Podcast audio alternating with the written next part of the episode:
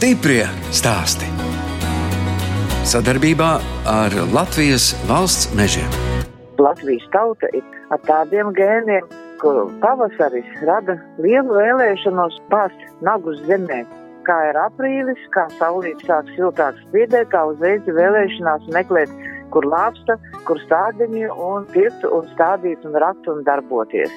Un ir daudzas kultūras, turējās vēl kaut kur nepārdos pogiņu stāvē līdz vasaras vidum un ilgāk, kā pesika, aprikozes, otrs šis tas no retākām lietiņām.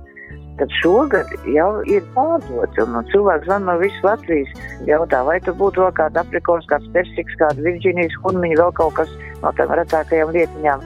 Visur ir izpirkts. Es neesmu vienīgā, kam ļoti intensīvi šis process ir noticis. Tā stāsta stādaudzētavas Sakstagals īpašniece Zaiga Graudiņa no Rēzeknes novada Sakstagala pagasta. Es, žurnāliste Daina Zalamane, ārkārtas situācijas laikā, kad arī mēs, žurnālisti, strādājam no mājām, turpinu zvanīt bijušajiem redzējuma dalībniekiem un vaicāt, kā viņiem veicas biznesā.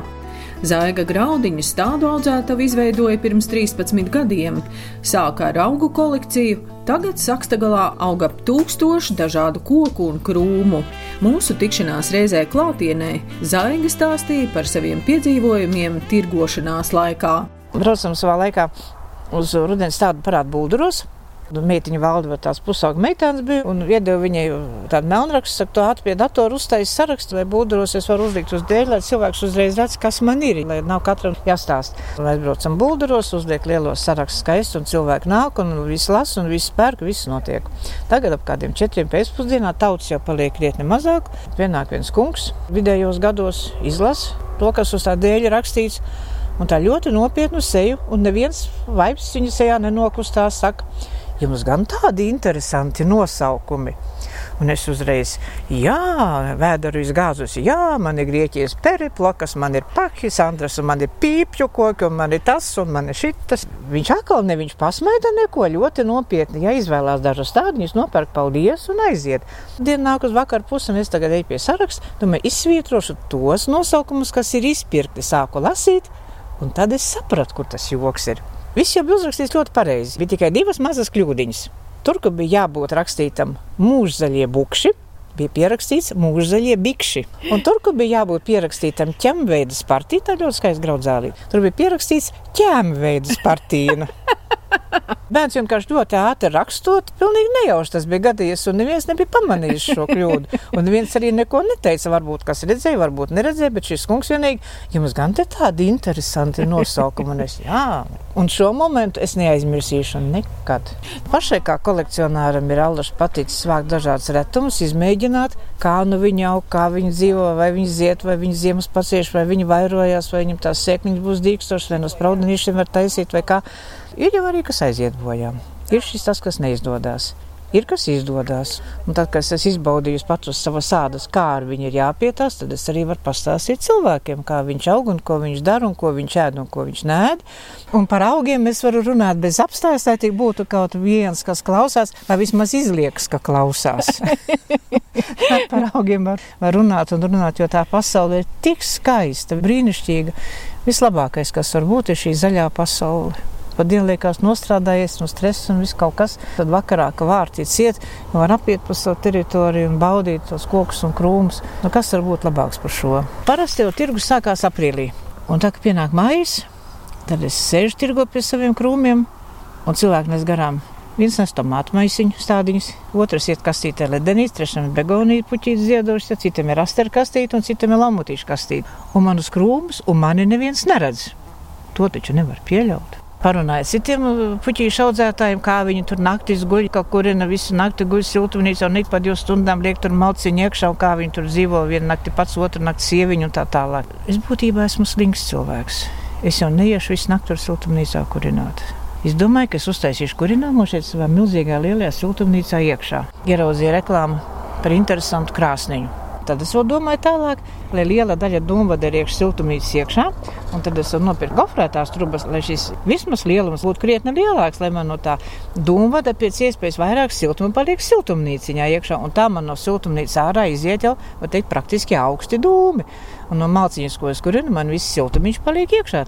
Un naktī es guļu, es naktī nejukurināju. Un tagad māja mēnesī mani arī redz. Man ir gurķi, man ir tomāti, man ir kabači un kāpus, man ir asteris un salvijas un ledenes un begonijas. Un tajā pašā laikā, labi, jā, man ir ko darīt, es visu laiku noskrienos, bet man nav garlaicīgi. Es jūtos noderīga un vajadzīga. Un tā, kad pienāk ziema un pēkšņi pienāk tas brīdis, kad neviens to nezina un nejautā par stādiem, es jūtos neomlīgi, ka mani nevienam vairs nevajag. Zaiga graudiņa audzē daudzas kultūras, ne tikai dažādus kokus un krūmus, bet arī puķu un dārzeņu stādus.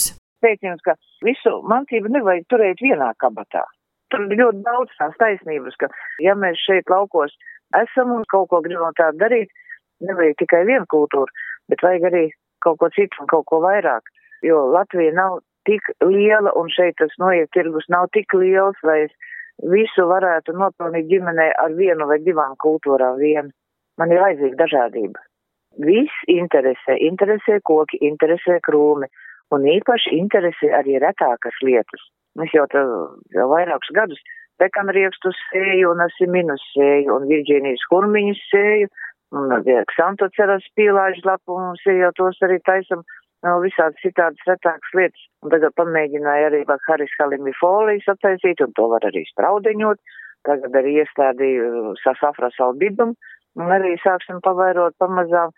Ja man pašai tie retumi interesē, un arī mūsu pašu tautai tie retumi interesē, jo tā kā ir viss kaut kas, nu gribas kaut ko savādāk. Daudziem augiem pat nav latviešu valodā vārdiņi tāpēc tas latīniskais nosaukums kaut vai tāds Santoceros sorbifolija. Šis augsts kaut kur divi metri pie mums varētu izaugt, jo labos apstākļos krietnos gados lapiņi tāda kā smalka neliela pīlāža lapiņa, balti ziedi, tumšāk vidiņi, ļoti smaržīgi ziediņi, šis krūms ziedu laikā pasakaini, skaists un pasakaini smaržo, un pēc tam nāk ēdami riekstiņi. Ļoti interesants jaunībā viņš gan ir jāpalutina, jāpauklē, nu, bet ja izdodas, tad jau tas rezultāts varētu būt ļoti patīkams. Latviešu valodā viņam vārdiņa nav, tāpēc tas latīniskais nosaukums ir mazliet latviskots. Ja latīniski xantoceras sorbifolī, tad latviski jau sanāks pīlāžu lapu xantoceras. Vēl viens augsts abelofilum distichum. Tas tagad ir latviskots divkanšu abelofilums. Arī ļoti agri ziedošs krūms, ziediņi mazāk nekā forsītijai, plaukstot viegli, viegli, viegli ierozā un ļoti jauks smaržo. Ļoti agri ziedošs krūms, mazliet pirms forsīties viņš nozied un ļoti jauks smaržo. Un izcils ziemcietība. Vēl arī cilvēki viņu iesaukuši pa balto forsītī arī, bet viņš nav forsītī, tas ir divkanš atdela filums. Iepriekš mēs pa gada tirdziņiem braucam, katru dienu tirgu nesēžam, jo man nav tik daudz laika. Visu laiku šeit stādot darbs, stādīt, kopt un tā tālāk. Iepriekšējos gados sēdienas sēdienas braucām pa gada tirdziņiem. Šogad sakarā to, ka gada tirdziņa nav, viss notiek mājās. Tāpat sūtam pa pastu vai pakomātu sūtam vai kurjeru sūtam. Augus pakratam no podiņa ārā lielāko daļu, ja lai nav tik smaga šī paciņa vai ja nav tik liela, lai varētu salikt. Ja nelielāka auga visu podiņu smuku liekam iekšā, ir savi noteikumi pakomātam, savi izmēri kastītēm, vairāk nelieli stādījumi, smuku kastītē iet iekšā, un kāpēc lai mēs to neizmantot, jo ne jau visi var atbraukt no visas Latvijas cilvēku, dēļ viena neliela vai diviem nelieliem stādījumiem braukt visai Latvijai pāri, nav iespējas tādas, tāpēc mēs labprāt visi izmantojam šīs sūtīšanas iespējas. Man ir 15 km Viļāna vai Reizekne, tāpat arī pasi Viļāna vai Reizekne. Nu, kurjeris jau var atbrauc mājās pie manis un aizved cilvēkam mājās. Šis variants arī tiek izmantots diezgan daudz. Un šīs piegādes iespējas arī ir labas pasas un pakomāts, un kuriem šīs sistēmas ļoti labi strādā. Arī iepriekšējos gados šī sistēma strādā, bet šogad vairāk sakarā šo pašreizējā laika situāciju. Jā, tad piegādes vairāk ir pa pastu, pa pakomātu ar kurjeru, lai nav tiešo kontaktu. Šis process intensīvāk notiek. Saksta gala stādaudzētava ir ģimenes bizness. Zaigai darbā palīdz arī bērni un mazbērni. Man ļoti labi palīdz dēls Lauris, meita Ieva, meita Māra. Man ir vesels pulks mazdēnu, kas arī liek rociņu klāt pie darbiem no, no skolas lietām brīvajā laikā. Ja mācās mājās, tad kā brīvs atkal iznāk laukā kaut ko palīdz. Visi tiek nodarbināti, jo darbiņi šeit vienmēr pietiek. Mēs esam šajā ziņā laimīgi cilvēki, jo es nezinu, kā tas ir, kad nav ko darīt. Mēs nevaram paspēt padarīt visu, bet vēl jau arī varbūt pašu laimi, ja mēs izdomājam vēl vajag to un vajag šito, un man visu laiku daudz paliek vēl nepadarīt darba. Paši mēs izdomājam tos darbus, Un, nu, tad pīkstam, ka nevaram padarīt. Un tagad, kā augstā nakts, ka saule mums mīnus 3-4 grādi naktī, ja tur ir siltumnīca lielā jāpakurina, dēls pa naktīm pakurina, nu, un, un vakaros tad līdz ar tumsu tikai ejam iekšā, un tagad es iznāk kaut kur jau pēc deviņiem, ap desmitiem nākam iekšā no lauka. Viņus uz kādām piecām minūtēm pie datora jāpaskatās, pie televizora, jo nesēž neviens pie datora, paskatāmies e-pastā, ka jāatbild. Nu, un tad vēl darbs pie datora, no pusnaktis tiekam gulēt. Un kur iet runa par to, kā cilvēki tur sēž un nav ko darīt un tā tālāk. Tad mēs sakam, cik labi, ka mēs dzīvojam laukos un visi tie, kas ir laukos, ir laimīgāki cilvēki šobrīd par pilsētas cilvēkiem, jo pilsētā restorāni nestrādā, ēdnīcas nestrādā, viesnīcas nestrādā, un tie cilvēki, kas bija nodarbināti tajās visās iestādēs, viņiem tiešām ir grūti, viņiem ir problēmas. Laukinieks ir laimīgs vienmēr, jo laukiniekam vienmēr ir ko darīt, vai tas ir gotiņš, vai tas ir cūks, vai tur ir tīruma ar karstuļiem labību un tā tālāk. Laukos vienmēr ir ko darīt, un mēs esam laimīgi ar to. Mums ir daudz vairāk darba, mēs daudz smagāk strādājam. Mums nav šīs pilsētas kultūras iespējas, šīs atpūtas iespējas, pašam pa visu jārūpējās. Bet šobrīd mēs laucinieki laikam tomēr esam laimīgāki. Un tas ir labi, ka ir daudz darba. Kamēr cilvēks strādā, tikmēr viņš dzīvo. Zaigai vaicāju, vai viņas ģimene dzīvodama viensētā izjūt, ka valstī ir ārkārtas situācija. Nedaudz tomēr jūtam, mēs vienkārši pielāgojamies tam. Parasti jau agrāk, tā kā nebija šī situācija, jā, vai kaut ko no drēbītēm bērniem, mazbērniem pašiem, nu, pēc iesien tirgu izskrien cauri, brīvi kaut ko paņem viskārtībā. Vai arī kaut ko no produktiem, jo vienā veiklā, otrā, trešā, tad tagad tirgi tā tad visi ir, kā saka, tabū pēc produktiem iebraucam kaut kur nomalis veikalā, kādā tur, kur pēc iespējas mazāk cilvēku, ātri nopērk un to, kas nedēļā nepieciešams un atkal projām, jo nav jau noslēpums, ka šīs vīrus vairāk izplatās tur, kur ir lielāks cilvēku kustības. Un mēs vienkārši neejam tajās vietās, izvairāmies no tā. At koncertu arī agrāk, pa laikam tomēr braucam uz mūsu pašu reizeknes koncertu zāli, kur ir skaistie pasākumi. Nu jā, tas tagad ir tabū nu, jāpiecieš. Viena otra neērtība ir jāpiecieš, un, ja viņš dod, ka šis vīrus aiziet prom kā nācis, tā viņš aiziet projām no Latvijas, lai viss atkal būtu labi. Lai visiem ir labi, jo labi ir tad, kad visiem ir labi. Savādāk nevar būt. Nevar būt ilgstoši vienam labi un citiem nav labi. Tā nedrīkst būt, ka, ka vienam ir labi un otram nav labi. Tikai tad ir labi, ka visiem ir labi. Ko es no visas sirds novēlu mums visiem, lai tas vīrus kā nācis Latvijā, tā lai viņš aiziet projām un lai mums visiem tomēr tā dzīve iet uz priekšu un uz augšu. Stiprie stāsti! Skan redzējums stipri stāsti, un tagad pa telefonu sazināšos ar lauksaimniecības kooperatīva Latvijas vadītāju Edgars Rūžu un viņa sievu Līgu. 9. maijā lielākajam zemnieku kooperatīvam ne tikai Latvijā, bet visā Baltijā aprit 20 gadi.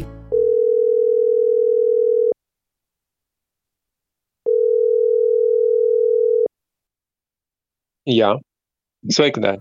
Pirms pieciem gadiem Edgars un Līga Rūži atcerējās studiju gadus Latvijas Lauksaimniecības Universitātē agronomijas specialitātē. Es ļoti, ļoti apmierināts ar to, ka es esmu izstudējis agronomus un ka tieši tajā laikā studējām, jo, manuprāt, mūsu laika izglītība nesalīdzinām augstāka līmeņa nekā šobrīd var iegūt. Nu, jau ir pagājuši cik 26 gadi, mēs joprojām varam latīniski slimības un kaitēkļus skaitīt. Cik mums bija? Piecas, sešas ķīmijas dažādas. Fizika, matemātika un, un, un tas jā. viss ir jāmācās agronomā. Jā, tas bija jāmācās, un um, tas viss palīdz šodien. Mēs laikam trāpījām tajā vilnī, tieši pārmaiņu vilnī. Arī valstī lielās pārmaiņas, un to mēs arī šobrīd redzam, ka mūsu izlaidumu gadi ir tie vadošie daudzās nozarēs, arī lauksemniecībā. Jauniem cilvēkiem ir vieglāk pārmaiņas pārdzīvot un izdzīvot. Tas tā tīri psiholoģiski. Un mums bija tieši tie jaukie starp 20 un 30, kad visi ceļi bija vaļā un nebija bailes darboties, riskēt. Edgars Rūžas stāsta, ka pirms 20 gadiem dibinot zemnieku kooperatīvu, vispirms bija jāmaina cilvēku domāšana. Apvienot zemniekus zem nosaukuma kooperatīvas un pierādīt, ka tas nav kolhos, tas, zināmā mērā, bija tāds arī diezgan liels izaicinājums, un mums ir prieks, ka ir izdevies veiksmīgi, un kad jā, mums seko līdzi arī citi, un citās nozarēs veido šos kooperatīvus, un izdodas un veicās. Un kopā ar lauksaimniekiem caur šo kooperāciju ir ļoti liels atspējs gan zemnieciski, ekonomiski, gan arī tādā nu, morālā nozīmē. Zemnieki 90. gadu beigās bija izmisumā, ka nebija vairs kur īsti likt graudus, jo tajā laikā zemnieki sāk audzēt vairāk graudus nekā spēja Latvijā patērēt. Tirgus bija jāmeklē, kur tos graudus pārdot, un tajā laikā tad zemnieki arī uzrunāja mani. Biju dažkārt semināros izcēlies ar domu, ka kamēr nebūs kooperācija un zemnieki nekooperēsies, nekāda nopietna zemniekošana te nebūs. Tas bija jā, tāds liels izaicinājums un arī risks tajā visā, bet viss sanāca ļoti labi tā, kā bijām plānojuši. Tie starptautiskie kontakti jau bija no iepriekšējā darba. Tur cilvēki palīdzēja un tā lēni pakāpeniski virzījās ar lielākiem apjomiem, lielākām kravām. Latvijas nodibināja 12 zemnieki. Es nesen apskatījos, bija 11 zemnieki, un es vēl ieguldīju, lai viņi uzticētos tajā lietai. Es biju tas 12. Tā attīstība ir bijusi visu laiku stabila un biedru pieaugums. No šodienas viedokļa skatoties, es teiktu, ka jā, bijis ļoti optimāls. Jo, ja būtu ātrāk audzis, iespējams, ka būtu lielākas grūtības un varbūt pat netik labs rezultāts, kā viņš ir veidojies. Soli pa solītim, nopelnot ieguldot un nelecot varbūt tādiem milzu soļiem, bet uh, cenšoties būt ļoti saimnieciski visā savā attīstībā un būt apdomīgi un prātīgi. Jūsu kooperatīvā ir tāds princips, ka pašiem darbiniekiem nedrīkst būt saimniecības. Jā, vadošiem darbiniekiem nedrīkst būt saimniecības, jo visu savu spēku, visu enerģiju ir jāvelta tam darbam, ko mēs šeit darām.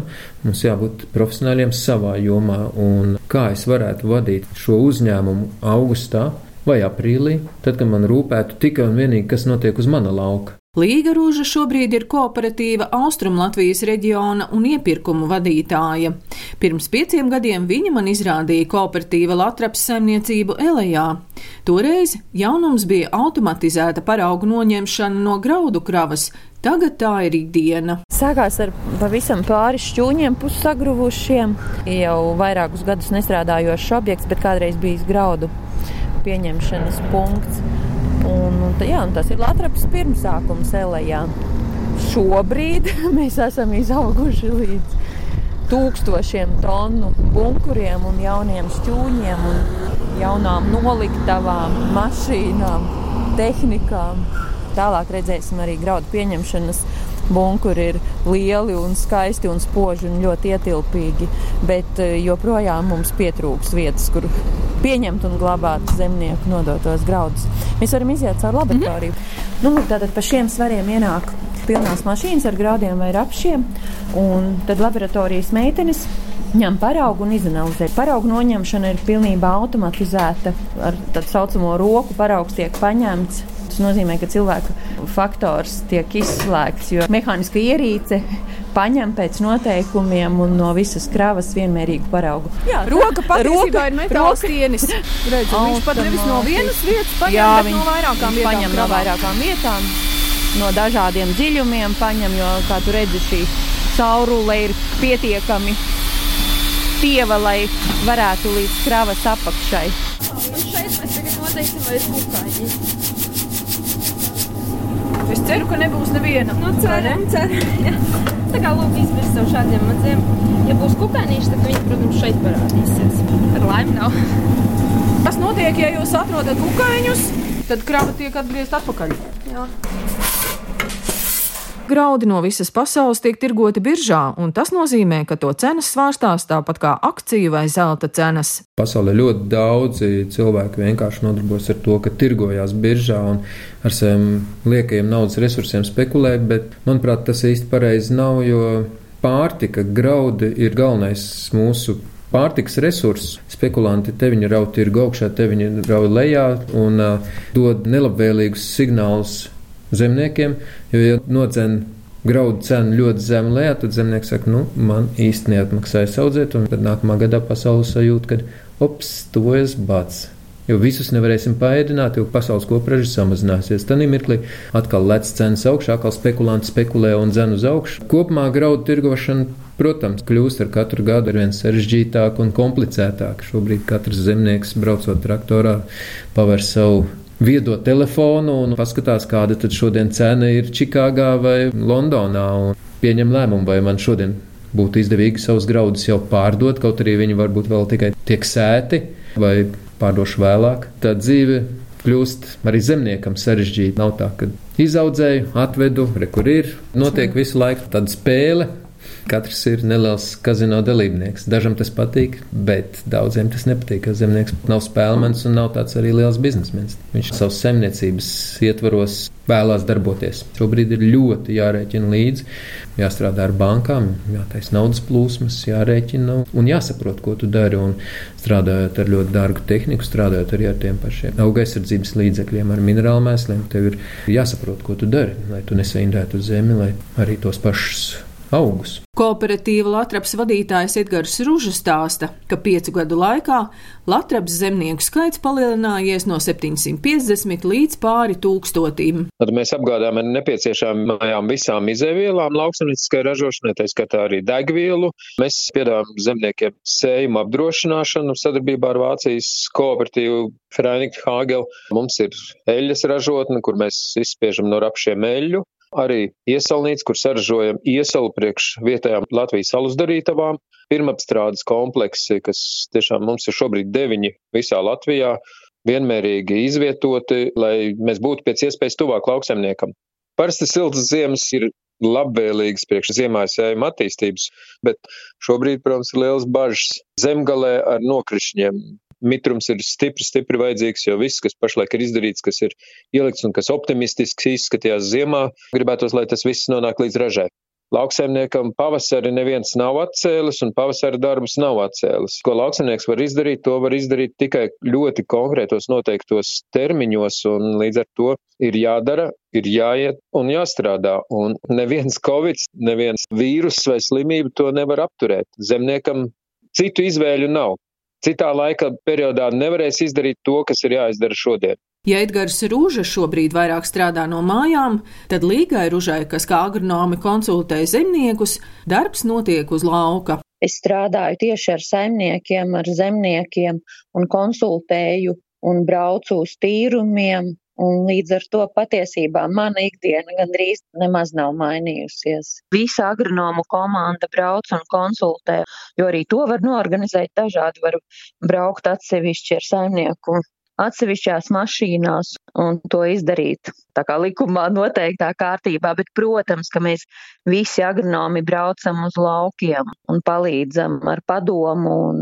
konsultējam. Latvijas varbūt tā lielā laime ir, ka lauku apdzīvotība izpaužas viensētās un visi mūsu darbi rit savu gaitu saskaņā ar dabas likumiem un salīdzinoši mierīgi. Daudzi no darbiniekiem šobrīd strādā attālināti, ievērojam šos visus piesardzības nosacījumus, lai nepulcētos, lai nebūtu iespējas kaut kur inficēties un tālāk to izplatīt. Līdz ar to arī mainīsies darba organizācija pašā elējā. Un visos mūsu pirmstrādes kompleksos darbs ir maiņās, kur cilvēki savā starpā nesatiekās, lai, ja gadījumā kāds saslims, tad lai viss uzņēmums neapstājās. Šogad 9. maijā kooperatīvam Latvijas aprit 20 gadi.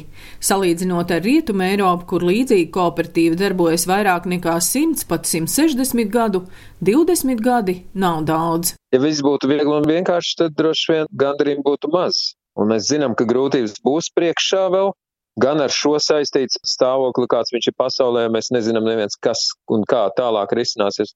Ar to mums ir jārēķinās, ar to, kāda nu kopumā Latvijā ekonomikas attīstība un atkarība no bankām un dažādiem citiem apstākļiem, ko mēs paši īsti nevaram šeit ietekmēt.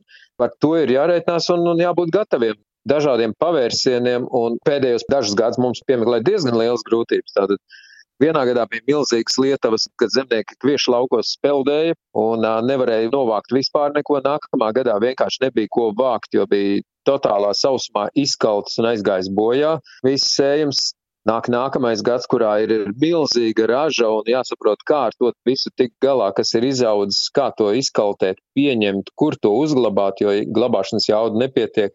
Protams, ja ir daudz izaudzis, tad vajag daudz naudas. Tā nauda kaut kur ir jāsameklē un jāatrod, lai varētu samaksāt zemniekiem saulēcīgi. Kāds saka, ka nepiegādās minerālu mēslus, jo dzelzceļam ir problēmas vai politiskās problēmas, valsts kā draudzība nenotiek. Tas, ko mēs pirms nepilnu mēnešu redzējām, ka nafta nokrita cenās zem nulles, tātad piemaksāja par to, ka naftu kāds pirka.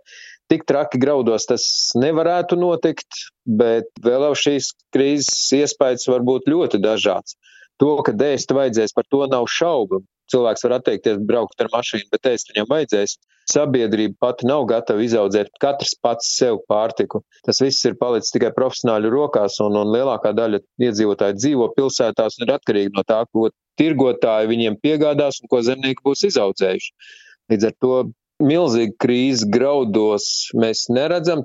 Mēs esam tiešām priekš graudu audzēšanas ļoti labvēlīgs reģions, un mēs tātad saules enerģiju pārvēršam reāli naudā, pa kuru pēc tam mēs varam nopirkt gan degvielu, gan elektrību, gan zāles, mašīnas un visu pārējo. Tā kā lauksaimniecības eksports ir ļoti svarīgs un būtisks.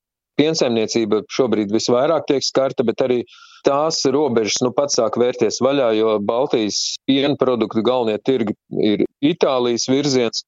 Droši vien, ka viņi savas rezerves būs pilnībā apēduši un tagad gribēs vairāk, līdz ar to pēc krīzēm nāk arī labāka laika. Tāds cikliskums dzīvē pastāv vienmēr. Biznesā un lauksamniecība ir biznesa sastāvdaļa. Un ar to ir lauksamniecībā jārēķinās, ka nekad nevar rēķināt savu biznesu, savus ieņēmumus, savu saimniekošanu viena gada griezumā. Ir jārēķina 3, 4, varbūt 7 gadu griezumā, kur pa vidu būs sliktāki gadi un būs labāki gadi. Un labākos gados ir jāveic uzkrājumi, lai varētu pārdzīvot sliktākos. Līga un Edgars Rūži gan nodarbojas ar sportu, gan ir lieli teātra mīļi. Starp citu, es interesanti sev saskaitīju statistikai. Martā, aprīlī mums bija 12 teātra izrādes un vēl 4 koncerti. Bet tas nekas, tas viss noteikti kādreiz būs, un mēs uz to skatāmies patiešām pozitīvi. Mēs dzīvojam tuvu mežam, un mums ir iespēja staigāt, mums ir iespēja skriet mājās, mums ir iespēja vingrot, un to visu mēs šobrīd arī daram un izmantojam. Un cenšamies patiešām šo laiku izmantot atšķirīgi nekā mēs to darījām pirms šiem notikumiem. Mežu Latvijā ir daudz, un lauka ir daudz, un var izskrieties. Un mūsu darbā, kā līga, noskrienās pa dienu pa laukiem, knapi elšu. Ne par kādu sportu negrib domāt pašlaik. Tas šobrīd ir sezona, kad lauksaimniecība tajā vasaras sezonā un sportošana nu, parasti ir ļoti grūti savienojama. Var daudz ko no mājas darīt. Arī šobrīd skatāmies koncertus televīzijā, ko pārraida un, un nopērkam pat biļetes, lai skatītos televīzijā koncertus. Cilvēki atrod iespēju, kā aizvietot to tikšanās un kopā būšanas iztrūkumu. Gan mākslinieki, gan arī citi cilvēki. Zināmā pretrunā tas var būt tam, par ko mēs iepriekš runājām, bet tomēr laikam pēc iespējas mazāk turbulences un nākamajos 20 gados tādu vienmērīgāku izaugsmu, bez lieliem lecieniem un kritumiem dažādām krīzēm. Attīstība tāda mierīgāka, jo, nu, laikam jau vecāki mēs paliekam, mūsu biedri, mūsu tie, kas kooperatīvi dibināja, gribās, lai tie izaicinājumi būtu tādi, lai viņi ir vienmēr, bet ir mierīgāki. Nu, un, protams, lai jaunā paudze iekļaujās, saprot kooperāciju un iet tam visam līdzi. Gan zemnieku jaunā paudze, gan mūsu uzņēmumā darbinieku jaunā paudze. Un līgas novēlējums ir visiem labu veselību un pat tiešām milzīgu optimismu visās dzīves jomās.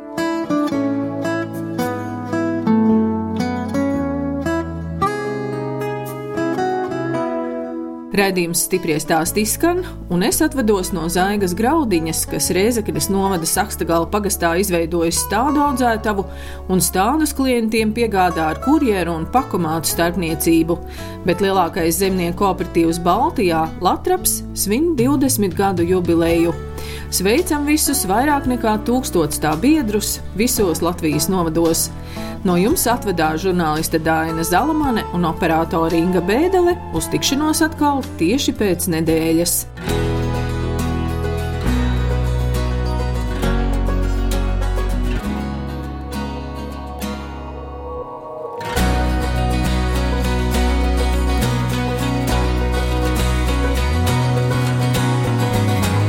Stiprie stāsti sadarbībā ar Latvijas valsts mežiem.